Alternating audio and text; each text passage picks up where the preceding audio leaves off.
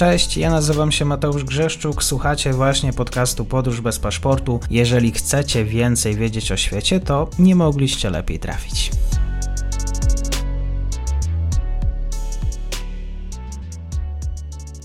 Partnerem odcinka jest Oanda, TMS Brokers, dom maklerski obecny na rynku już od ponad 20 lat. W opisie odcinka znajdziecie link do aplikacji, której możecie otworzyć konto maklerskie i grać na giełdzie, a wcześniej potrenować na koncie demonstracyjnym. Jeżeli otworzycie konto za pośrednictwem tego linku, dostaniecie na start książkę o tematyce inwestycyjnej. Zapraszam, Mateusz.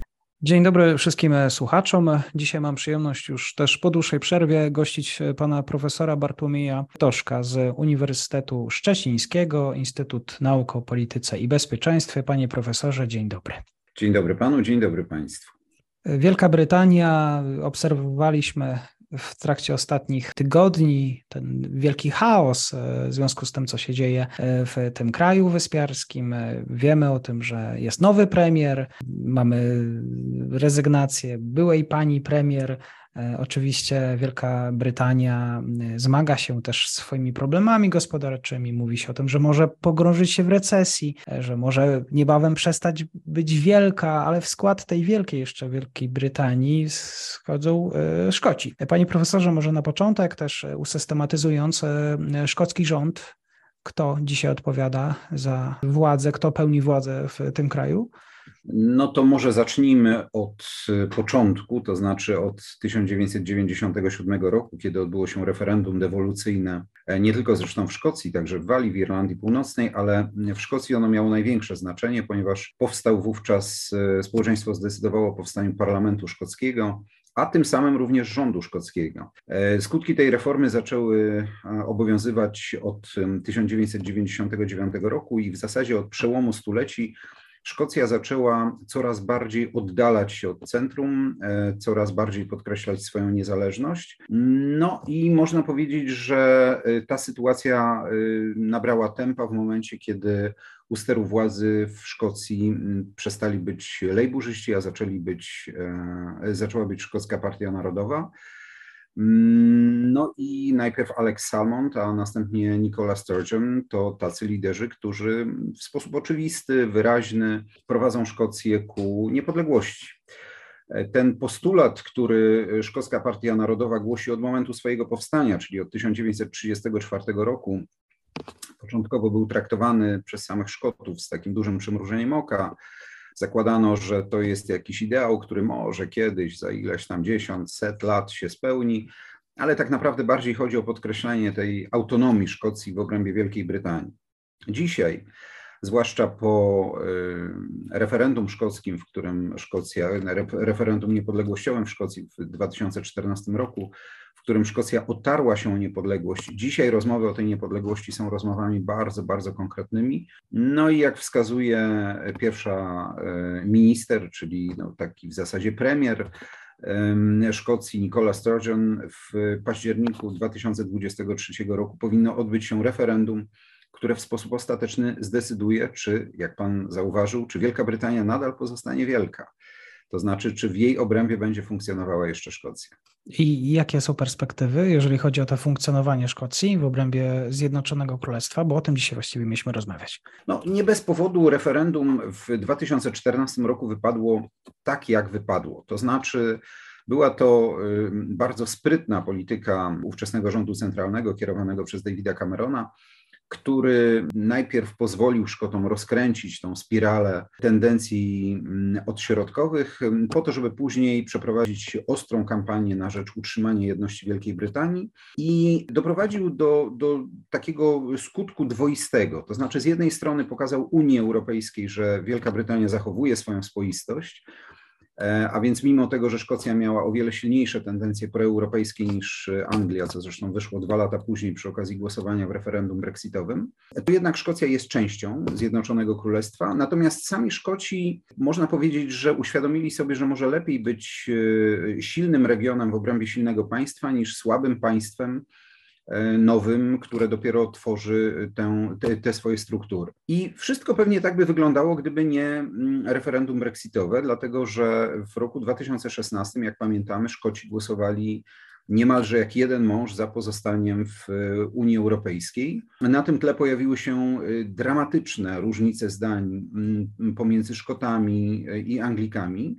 No i mm, jak, wskazy, jak wskazują kolejni politycy szkoccy, gdybyśmy wiedzieli w roku 2014, że w tym kierunku zmierzają władze konserwatywne, to pewnie to głosowanie wypadłoby wtedy inaczej. A więc uzasadnione jest żądanie drugiego referendum szkockiego i to referendum, ono jest odsuwane w czasie. Można powiedzieć, że trochę tą jedność brytyjską uratował COVID, bo on po prostu uniemożliwił przeprowadzenie takiego referendum, no ale ono jest nieuniknione. Wcześniej czy później się odbędzie i wcześniej czy później Szkoci taką decyzję podejmą. Dzisiaj, patrząc na rozwój sytuacji w Szkocji, widzimy rzecz bardzo ciekawą, mianowicie y, wzmocnienie pozycji partii konserwatywnej kosztem osłabienia partii pracy. Dotąd dwiema największymi siłami w Szkocji były no, kiedyś lejburzyści i Szkocka Partia Narodowa, potem Szkocka Partia Narodowa i lejburzyści, a dzisiaj na tym drugim miejscu plasują się konserwatyści. A więc można powiedzieć, że pojawia się taki dyskurs pomiędzy Szkocką Partią Narodową, która ma tendencje odśrodkowe, być może także nawet niepodległościowe, i tą grupą, która chce pozostać w obrębie Wielkiej Brytanii, która ma takie tendencje lojalistyczne i która mówi, będziemy głosować na partię konserwatywną. No ale podział głosów w parlamencie szkockim dzisiaj jednoznacznie wskazuje, że na tych 130 parlamentarzystów, niemalże 130 parlamentarzystów, ponad połowa to przedstawiciele Szkockiej Partii Narodowych, a konserwatystów jest raptem około 30. A więc tak to też pewnie mniej więcej w Szkocji wygląda, o ile południowa część Szkocji ma tendencje proangielskie, a tym samym probrytyjskie, o tyle im dalej na północ, nie licząc oczywiście Szetlandów i Orkadów, bo to osobna historia, ale im dalej na północ, tym bardziej widzimy, że ci Szkoci czują się coraz y, słabiej związani z Brytanią. No i jest takie poczucie, poczucie dzisiaj wśród Szkotów, że gdyby mieli swobodę decydowania o swoim losie sami, no to zapewne byliby dzisiaj częścią Unii Europejskiej i w tej Unii Europejskiej byłoby im dobrze. Mhm. Przypomnijmy jeszcze jedną rzecz, że kiedy Wielka Brytania była e, częścią wspólnot europejskich, no bo przecież mm, zanim stała się częścią Unii Europejskiej, to wcześniej od 1973 roku pozostawała w strukturach wspólnotowych. Szkocja, Walia, Irlandia Północna były tymi krainami, które korzystały najbardziej z budżetów unijnych, zwłaszcza ze wspólnej polityki rolnej. Więc naprawdę to rozstanie z Unią Europejską w przypadku Szkotów jest o wiele bardziej bolesne niż w przypadku Anglików. Na potwierdzenie też słów e, pana profesora, brytyjski minister finansów nawet dzisiaj powiedział, że brytyjska gospodarka jest w recesji, więc być może nawet po opuszczeniu tutaj Unii Szkotom byłoby w tej Unii lepiej. Panie profesorze, e, co to znaczy właściwie dzisiaj być Szkotem? To znaczy, jeżeli Szkoci coraz dalej e, są Londynu, to jak przez lata właściwie budowali, jeżeli można mówić o jakimś takim procesie tożsamościowym? No, znaczy zacznijmy y, znowu od y, przeszłości, tej zamierzchłej przeszłości. Przypomnijmy sobie, że Anglicy i Szkoci przez wiele setek lat wojowali ze sobą, ale ostatecznie doszło do zjednoczenia obu państw, najpierw w ramach Unii Personalnej w 1603 roku i potem wreszcie Unii Politycznej w roku 1707. Ale to zjednoczenie w 1707 roku dokonało się w takich dość specyficznych okolicznościach. Co prawda było to jeszcze pod rządami ostatniej panującej z dynastii Stuartów, ale już w akcie Unii wskazano, że później Szkocja będzie wchodziła w skład królestwa, w którym panuje dynastia hanowerska. No nie wszyscy byli z tego zadowoleni. W Szkocji wybuchły dwa powstania jakobickie, czyli zwolenników Stuartów w 1715 roku, a później nawet w 1745 i po tym drugim dokonano silnej pacyfikacji szkockiego systemu społecznego. To znaczy, o ile w akcie Unii wskazywano, że Szkocja zachowuje odrębność swoich praw, odrębność administracyjną, wymiaru sprawiedliwości, walut itd., tak itd., tak ta odrębność co prawda została utrzymana, ale w roku 1745, a w zasadzie po tym roku, uderzono w kwestie społeczne, które były dla Szkotów bardzo istotne. Na przykład przez pewien czas Szkoci nie mogli nosić swoich kiltów nie mogli ubierać się w swoje stroje narodowe. W ogóle język szkocki, nie tyle język południowo-szkocki, który był bardzo zbliżony do angielskiego, ale ten właściwy szkocki, czyli galicki, który występuje w, ciągle jeszcze w północnej części, w północnej środkowej części Szkocji. Ten język był językiem, mm, który Anglicy starali się wyrugować i w dużej mierze im się to udało. Dopiero w XIX wieku zaczął się proces odrodzenia narodowego. To znaczy, Szkoci, którzy mm, przez większą część XIX wieku pogodzili się z tym, że funkcjonują w obrębie Imperium Brytyjskiego, że tak naprawdę są, są częścią tej Brytanii, podkreślali swoją szkockość raczej w takim wymiarze mikro. Natomiast w XIX wieku, pod koniec XIX wieku pojawiły się tendencje polityczne. Zaczęto wskazywać, że skoro w parlamencie brytyjskim dyskutuje się o home rule, dla Irlandii, to dlaczego by nie podyskutować o tym samym dla Szkocji? Tak jak wspomniałem, w 1934 roku powstaje Szkocka Partia Narodowa. To, to nie był jedyny organ polityczny i to nie był jedyny podmiot, który miał takie tendencje odśrodkowe, który głosił potrzebę autonomizacji i niepodległości Szkocji, ale to ugrupowanie stopniowo stało się najsilniejsze. No i takim prawdziwym sprawdzianem tego, na ile Szkocja jest częścią Wielkiej Brytanii, było pierwsze referendum dewolucyjne w 1979 roku. To jest w ogóle sprawa dość mało znana, dlatego że referendum to w zasadzie było nieudane, ale nieudane przez Walijczyków, którzy wówczas zdecydowali, że chcą pozostać częścią Zjednoczonego Królestwa, natomiast Szkoci minimalną większością głosów zagłosowali za wyjściem, za, za, za może nie wyjściem, tylko taką autonomizacją. Ponieważ te referenda były ze sobą powiązane w Szkocji i w Walii, ponieważ tam była też wymagana minimalna liczba głosów, która nie została osiągnięta, w związku z tym uznano, że to referendum jest po prostu niewiążące. Później okres tacierowski doprowadził do sytuacji, w której ta specyficzna polityka ekonomiczna, uderzająca w szkockie górnictwo, a więc w to, co do lat 80. było podstawą gospodarki szkockiej, w pewien etos górnika szkockiego, który również kształtował do pewnego stopnia świadomość narodową, nawet poczucie pewnej tożsamości. To wszystko spowodowało, że Szkoci mieli takie poczucie, a może jednak lepiej byłoby nam poza. No ale kamieniem milowym okazało się e, odkrycie i, i eksploatacja złóż e, E, ropy i gazu na Morzu Północnym, ponieważ gdyby doszło rzeczywiście do podziału Zjednoczonego Królestwa, to złoża te przypadłyby Szkocji. A więc z pragmatyzmem właściwym wszystkim mieszkańcom Wysp Brytyjskich, Szkoci wyszli z założenia, że skoro mamy już podstawy ekonomiczne do takiego spokojnego funkcjonowania, skoro y, przynależność do Unii Europejskiej i te benefity, które Szkocja czerpała z Unii, wskazywały, że Szkocja jako region dawała sobie radę w relacjach z innymi państwami unijnymi, nie tylko regionami, ale państwami. Czyli można powiedzieć, że dojrzała politycznie do tej niezależności. Szkocja dzisiaj ma swój parlament, rząd, decyduje o większości spraw, które tej Szkocji dotyczą. Z wyjątkiem może polityki zagranicznej, obrony, nawet kwestie podatkowe, nawet kwestie polityki fiskalnej, co prawda w ograniczonym zakresie, ale należą do władz szkockich. Więc to wszystko pokazuje, że Szkoci są przygotowani do tego, żeby przejąć ster władzy w swoje ręce. I dziś jedyne, co może ich wiązać z Wielką Brytanią, to jest po pierwsze lojalność wobec korony, no ale ostatecznie można powiedzieć, są też przecież państwa, terytoria, które znajdują się gdzieś tam het-het i wcale nie są częścią Zjednoczonego Królestwa, nad którymi dzisiaj panuje Karol III, e, więc Szkocja może utrzymać tą unię personalną. No i druga rzecz to pewien sentyment do, do samej Wielkiej Brytanii jako takiej, to znaczy takie poczucie, że wspólnie z Anglikami, Walijczykami, Irlandczykami Szkoci budowali to imperium. Czy ten sentyment jest dzisiaj żywy? Pewnie już w niewielkim stopniu i pewnie raczej wśród starszego pokolenia, co zresztą widać. Te tendencje niepodległościowe, to jest może mocne słowo, tendencje odśrodkowe, one są dzisiaj obecne przede wszystkim wśród y, pokolenia młodego i średniego. Ludzie starsi, raczej zachowawczy ze swojej natury, pewnie woleliby, aby Zjednoczone Królestwo pozostało przynajmniej na razie w tej formie niezmienionej. Ale skoro o tym wspomniałem, to jeszcze jedna rzecz w, na kontynencie, a to dotyczy także Polaków, my często patrzymy na, na pewne kwestie w sposób taki zero-jedynkowy. Albo ta Wielka Brytania będzie, albo nie będzie. Brytyjczycy, mm, zwłaszcza Anglicy, mają tendencję do rozwlekania pewnych procesów. Widzieliśmy to doskonale na przykładzie Brexitu, który się ciągnął przeokrutnie. Mm, więc jeżeli dojdzie do y, rozchodzenia się Szkocji z Anglią, to będzie to pewnie proces bardzo długotrwały, bardzo powolny, bardzo stopniowy, i taki, który Anglia będzie możliwie jak najdłużej przyciągała. Więc nie spodziewajmy się tego, że będzie referendum, po którym nagle pojawi się niepodległa Szkocja. Pewnie będzie długi okres przejściowy, w tym okresie przejściowym będzie regulowanie hmm. wzajemnych zobowiązań, praw, a to potrwa długie, długie lata. No ale suma summarum doprowadzi do takiej sytuacji, że ta Szkocja pewnie niepodległa będzie. Szkoci też analizują, czy im się to opłaca pod względem ekonomicznym, politycznym. Pamiętajmy, że Szkocja tak naprawdę jest małym krajem. To raptem, to, to nieco ponad 5 milionów ludzi.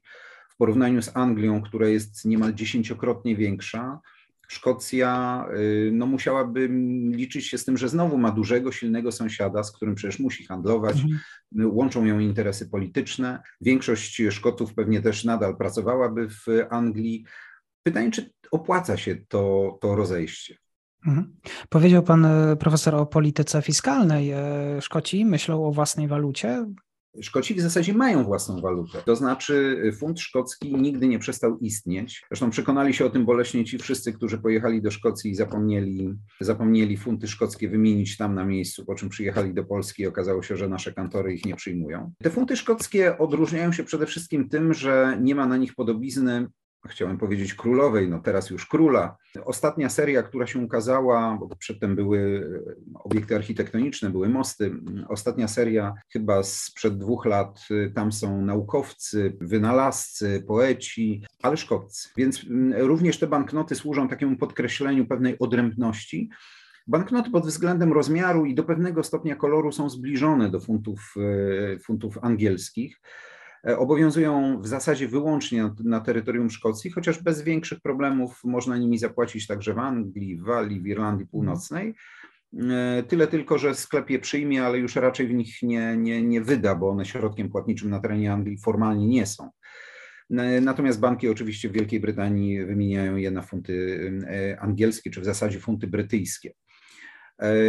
I ta odrębność w zakresie utrzymywania własnej waluty, ona również pokazuje, że Szkoci nigdy nie zrezygnowali z utrzymywania takich nawet formalnych tylko symbolicznych, można powiedzieć, ale jednak dla nich istotnych elementów swojej odrębności. Panie profesorze, bo e, często używa Pan e, takiego sformułowania Szkoci, to znaczy Szkoci i partie polityczne rządzące, czy Szkoci i społeczeństwo, bo mm, zastanawiam się, jaki, czy, czy można mówić jakimś jednolitym zdaniu, jeżeli chodzi o, znaczy jakimś takim konsensusie, jeżeli chodzi o szkockie społeczeństwo, w związku z tym, jak sobie te relacje układać w przyszłości? To znaczy, jeżeli popatrzymy na społeczeństwo szkockie, ono E, oczywiście nie jest jednolite. Widać to zwłaszcza po samej strukturze geograficznej e, tego, tego terytorium. Jest część południowa, która jest dość mocno związana z Anglią, przede wszystkim interesami ekonomicznymi. No to jest ta najlepiej rozwinięta część Szkocji. Im dalej na północ, e, tym tych Szkotów jest mniej, ale tym silniejsze są, tak jak mówiłem wcześniej, tam właśnie tendencje odśrodkowe. Natomiast Szkocja ma taką swoją piątą kolumnę, to znaczy y, niewielkie społeczności zamieszkujące Szetlandy i Orkady, które wtedy, kiedy wszyscy inni głosują na szkocką partię narodową, potrafią na przykład zagłosować na wcale nie lejburzystów, wcale nie konserwatystów, tylko na liberałów. Kiedyś, kiedy dość mocno jeszcze po, po referendum w 1997 roku mówiono y, o tym, że Szkocja mm, będzie prezentowała takie tendencje, silne tendencje odśrodkowe, to przeciwnicy takiego oddalania się Szkocji mówili, no tak, ale Szkocja ma również ten sam problem w obrębie swojej, swojego własnego terytorium, to znaczy właśnie Orkady i Szetlandy, które kto wie, być może wcale nie chciałyby z tą Szkocją gdzieś tam e, odejść. Ale pamiętajmy, że większość Szkotów mieszka na południu i jeżeli patrzymy przez e, pryzmat e, tych dwóch największych ośrodków, to znaczy Glasgow i, i Edynburga, no to można powiedzieć, że w tym stosunkowo, tak jak mówiłem, niewielkim społeczeństwie, ponad pięciomilionowym, Y, jakichś wielkich różnic o charakterze e, politycznym nie ma. E, Szkoci są niewątpliwie biedniejsi od, od Anglików. E, poza tym polityka prowadzona przez Szkocką Partię Narodową jest polityką o wiele bardziej mm, prospołeczną niż dzisiejsza polityka konserwatystów w Anglii. Samo to, że wiele instytucji publicznych jest za darmo, że nauka na uczelniach wyższych jest za darmo, że wiele usług, których nie ma już w Anglii, one zostały zniesione, ponieważ uznano, że ich kontynuowanie po prostu jest nieopłacalne. W Szkocji ciągle jest utrzymywane. To pokazuje, że Szkoci mają wysokie wymagania i stawiają tą poprzeczkę państwu opiekuńczemu naprawdę bardzo wysoko. I dlatego też y, boją się tego, co się w tej chwili dzieje w całej Wielkiej Brytanii. To znaczy, boją się skutków koronawirusa, boją się skutków Brexitu, no i przede wszystkim boją się tego kryzysu gospodarczego, który już od pewnego czasu e, Brytyjczyków męczy, a w okresie krótkiego, krótkich rządów Liz znacznie się pogłębi.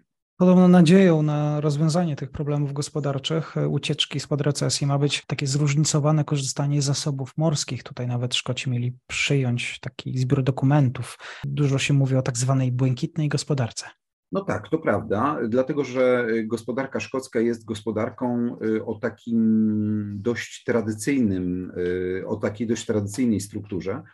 To znaczy ciągle w niej istotną rolę odgrywa rolnictwo, rybołówstwo i dopiero na trzecim miejscu znajdują się te elementy kopalne, Y, wspomniałem wcześniej o ropie i gazie, ale w Szkocji, Szkocja stara się być takim krajem bardzo nowoczesnym, a więc podkreśla się też znaczenie odnawialnych źródeł energii. I mimo tego, że Wielka Brytania nie jest już w Unii Europejskiej, to Szkocja chyba wychodząc z takiego założenia, że wcześniej czy później do tej Unii wróci, stara się jednak realizować te elementy polityki unijnej w zakresie wykorzystywania źródeł energetycznych, które Unia uznaje za ważne a więc y, nie prze w kierunku budowy energii atomowych.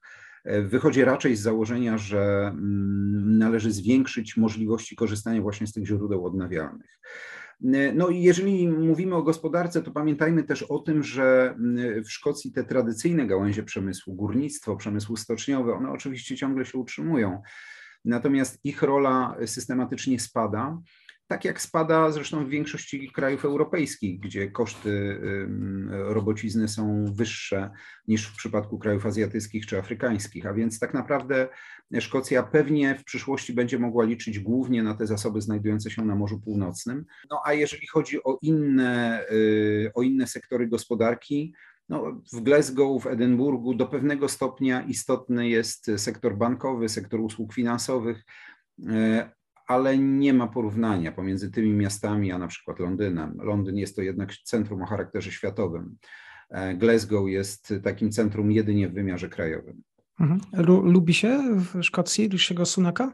W Szkocji lubi się każdego, kto zastąpiłby Liz Truss, e, dlatego że pakiet, który przygotowała Liz Truss i w ogóle nawiązanie tym pakiecie do polityki e, Margaret Thatcher spowodowało, że e, Szkoci poczuli się jakby nagle ktoś ich oblał wrzątkiem.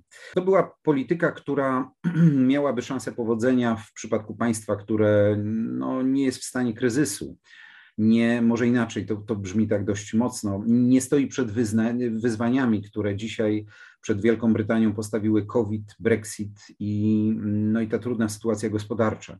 Rządy Rishiego Sunaka zaczęły się nie najgorzej i może się wydawać, że Szkoci również patrzą na niego z pewną nadzieją, ale nie zmienia to postaci rzeczy, że ich szefem jest Nicola Sturgeon i to ona jest tą osobą, która będzie reprezentowała społeczeństwo szkockie w relacjach z rządem brytyjskim.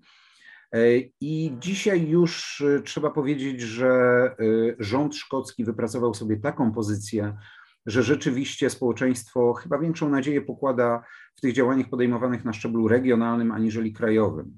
Jeżeli Rishi Sunak, mówiąc kolokwialnie, pośliźnie się, to znaczy, jeżeli okaże się, że te próby odwrócenia skutków małego budżetu Liz Truss się nie powiodą, jeżeli sytuacja gospodarcza w Wielkiej Brytanii ulegnie dalszemu pogorszeniu, no to pewnie wtedy w referendum niepodległościowym Szkoci zagłosują za wyjściem z, ze, zjedno, ze Zjednoczonego Królestwa. Czeka nas wtedy taki moment historyczny, którego chyba nie spodziewaliśmy się dożyć. Podwyżki podatków podobno czekają Brytyjczyków dzisiaj, ogłoszenie. To było nieuniknione. Porównajmy te dwie y, koncepcje, które zostały przedstawione po odejściu, czy raczej po upadku Borysa Johnsona. Tak? Liz Truss, która wyszła z założenia, że obniżymy podatki, postaramy się, aby rozkręcić gospodarkę, pomagając przedsiębiorcom, co, tak jak powiedziałem, byłoby możliwe w przypadku państwa silnego, dysponującego dużymi rezerwami, i Rishi Sunak, który dokonał realistycznej oceny, stwierdzając, państwo dzisiaj potrzebuje oszczędności. Te oszczędności można pozyskać tylko w jeden sposób, dlatego tak, Brytyjczyków czekają mm, podwyżki podatków, ale myślę, że Brytyjczycy się tego spodziewali. Poza tym po bardzo specyficznych rządach Borysa Johnsona, które oceniając z perspektywy czasu może nie były aż tak złe, jak, jak mogłoby się wydawać, ale wprowadziły pewien element rozchwiania zarówno w polityce, gospodarce, jak i w ogóle w relacjach społecznych. Po tym krótkim, bardzo krótkim e, rządzie Liz Truss Brytyjczycy chyba oczekują przede wszystkim polityka pragmatycznego, który wreszcie powie im, czego się od nich żąda. Nawet jeżeli to będą żądania przykre, ale przynajmniej konkretne, rzeczowe, po to, żeby zarysowała się przed nimi jasna perspektywa, co ich czeka w następnych latach. Takie same są oczekiwania Anglików, Szkotów, Walijczyków i Irlandczyków w Irlandii Północnej. Profesor Bartłomiej Toszek dzisiaj w komentarzu na temat tej szkockiej rzeczywistości. Pytanie, czy ona będzie zmierzać w innym kierunku niż to, co sobie wymarzy Londyn. Bardzo dziękuję. Dziękuję. I to już koniec na dzisiaj. Zapraszam na profil podcastu Podróż bez paszportu na Facebooku, Instagramie i Twitterze. Zachęcam też do wsparcia mojej pracy na serwisie Patronite oraz Buy Coffee. Do usłyszenia.